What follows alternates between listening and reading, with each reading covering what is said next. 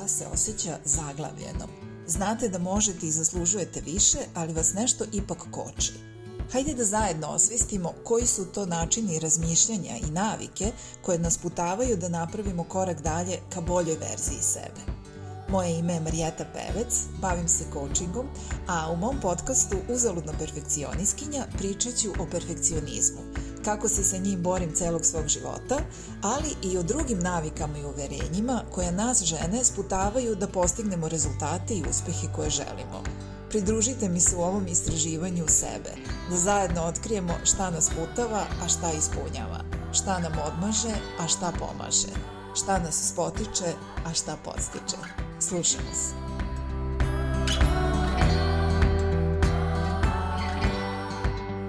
Zdravo svima! Evo nas u šestoj epizodi podcasta Uzaludna perfekcioniskinja i danas ću pričati o tome kako se mi žene stalno fizički smanjujemo i umanjujemo sobstveni značaj.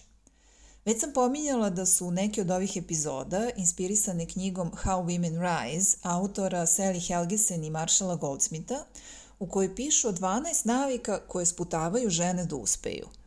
Umanjivanje sobstvenog značaja se navodi kao jedno od tih navika – I za početak sam htela da vam prepričam primer iz knjige, jer je vrlo slikovit i verujem da ćete sve prepoznati situacije koje gledate u svom okruženju svaki dan.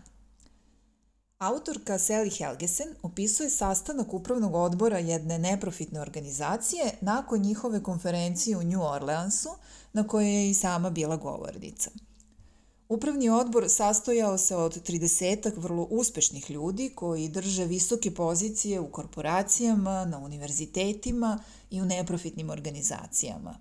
Trećina su bili muškarci, ostalo žene. Dakle, visoko obrazovani, uspešni ljudi.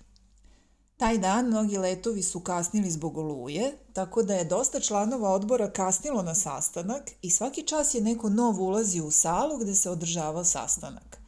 I tu je Sali primetila jednu neverovatnu stvar. Svaki put kada bi neko novi ušao na vrata, žene su signalizirale da ima dovoljno mesta iza njih. Pomerale svoje stolice da naprave mesta za pridošlicu, sklanjale svoje stvari, čak su se i fizički skupljale držeći noge i ruke skupljene uz telo da bi napravile mesta za novu osobu. Za razliku od njih, muškarci se nisu pomerali. Klimnuli bi glavom u znak pozdrava svakom novom ko bi ušao na vrata, ali se nisu uopšte pomerali. Ukoliko im je ruka bila prebačena preko prazne stolice do njih, tu je i ostala. A ako su im stvari bile malo razbacane po stolu, nisu se trudili da ih skupe. Sigurna sam da ste ovo videle sto puta. U školskim učionicama, u fakultetskim amfiteatrima, na poslovnim sastancima, privatnim žurkama, u prevozu, u parku, gde god. E sad, mi možemo lako da osudimo muškarce da su sebični i neuviđavni, ali oni zapravo samo imaju poverenja da će ti odrasli, obrazovani, uspešni ljudi umeti i sami da se snađu, bez njihove pomoći. Muškarci nisu sebični, ili barem ne uvek, samo nemaju potrebu da se pobrinu za sve oko sebe. Kod žena je ta osobina naglašenija, uglavnom zbog načina na koji smo vaspitavane – A o tome sam pričala i u prethodnoj epizodi kad sam govorila zašto nam je toliko teško da kažemo ne. Poenta nije da budemo kao muškarci, niti da oni budu kao mi.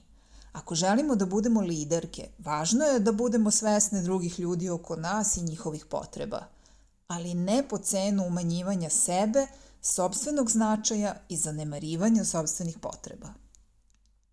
Evo još jednog primjera kako muškarci daju sebi prostora i to ne samo u fizičkom smislu. Pre nekoliko godina gledala sam predstavu u svojoj staroj školi Filološkoj gimnaziji u Beogradu u kojoj su glumile učenice te škole. Jedno predivno iskustvo koje me vratilo u te đačke i štrebačke dane. Predstava je bila sjajna, devojke su zaista blistale, a u publici su uglavnom bile njihove vršnjakinje škole – i nekoliko dečaka koji su došli iz drugih škola da gledaju predstavu. Nakon što se predstava završila, usledila je diskusija. Mi stariji i očarani njihovom mladošću i izvedbom rekli smo nekoliko reči hvale i koliko nam je predstava značila, a onda je reč uzeo jedan od tih mladića iz publike. Pošto je predstava imala temu feminizma, on je iznao svoje mišljenje o tome sa dosta kritike i prema feminizmu i prema samoj predstavi. Nije bio neprijatan, videlo se da je izuzetno pametan i rečit, ali je takođe bilo jasno i da mu nedostaje mnogo životnog iskustva i još dosta izvora informisanja da bi mogao u potpunosti zrelo da formira svoje mišljenje. Reditelj predstave mu je ljubazno nešto slično odgovorio, ali ono što je meni bilo izuzetno upadljivo jeste da se nijedna devojka iz publike nije javila za reč. U njihovoj školi, u filološkoj gimnaziji u kojoj 90% učenika su zapravo učenice, na njihovoj predstavi. Zašto? Nemoguće da nisu imale mišljenje. Nemoguće da nisu znale šta da kažu. Ali moguće je da su učene do ćute, da svoje mišljenje zadržavaju za sebe. Jedan dečak u školi punoj devojčica je uzeo sebi prostor da izrazi svoje nepopularno mišljenje, dok ni jedna devojčica to nije učinila za sebe. I to vam je slika i prilika našeg društva. Naravno da ima izuzetaka, ali izuzeci su, kako im i samo ime kaže, manjina. Šta mi zapravo čekamo? Da li čekamo da nam neko drugi da reč? I ko je taj drugi koji ima tu moć? Neki muškarac, neka figura autoriteta? Kako ćemo ikada mi biti te figure autoriteta ako se naš glas ne čuje? Ako se stalno sklanjamo u stranu, ako stalno sedimo u zadnjim redovima i nećemo da se ističemo? Evo još jednog načina kako se umanjujemo. Kroz jezik koji koristimo. Možda ste već i same primetile ovakve rečenice. Izvinite, ja bih samo nešto da pitam. Neću dugo da vas zadržavam, htela sam samo kratko nešto da... Ispravite me ako grešim, ali možda je glupo ovo što ću reći, ali mi koristimo ove reči i fraze da umanjimo svoje prisustvo da budemo sigurne da nikoga ne ugrožavamo, da ne vređamo, da nismo arogantne, preteće, agresivne, već skromne, blage, nesigurne. Nesigurne. To je efekat koji mi zapravo postižemo, poruka koju šaljemo, ja sam mala, ja sam nesigurna, ja ne znam, ja ne mogu.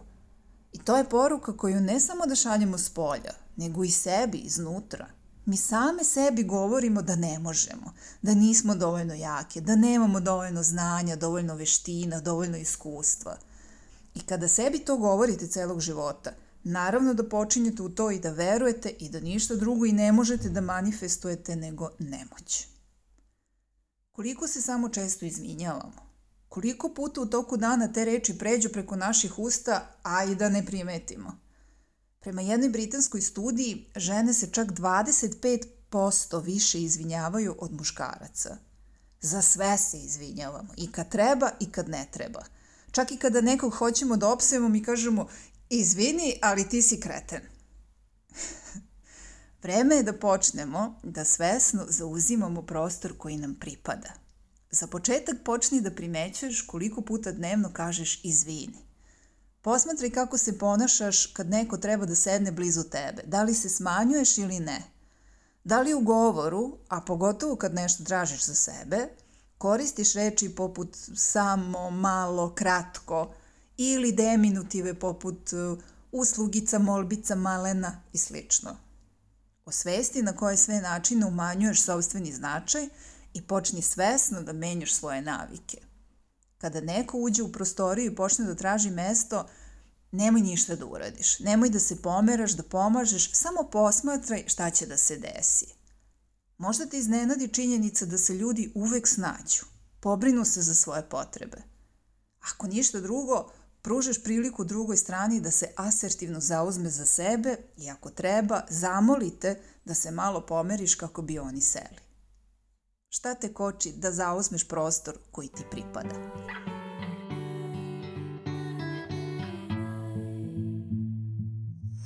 Slušali ste podcast Uzaludna perfekcioniskinja. Hvala vam što ste tu, što delite sa mnom svoje vreme, probleme i iskustvo i što imate radoznalost i volju da radite na sebi. Ovaj podcast možete pratiti na podcast platformama poput Spotify-a i Google podcasta, a svi linkovi su u opisu ove epizode. Ukoliko ne želite da propustite sledeću epizodu, možete me zapratiti na podcast platformi koju koristite. Pozdravljam vas do naredne epizode.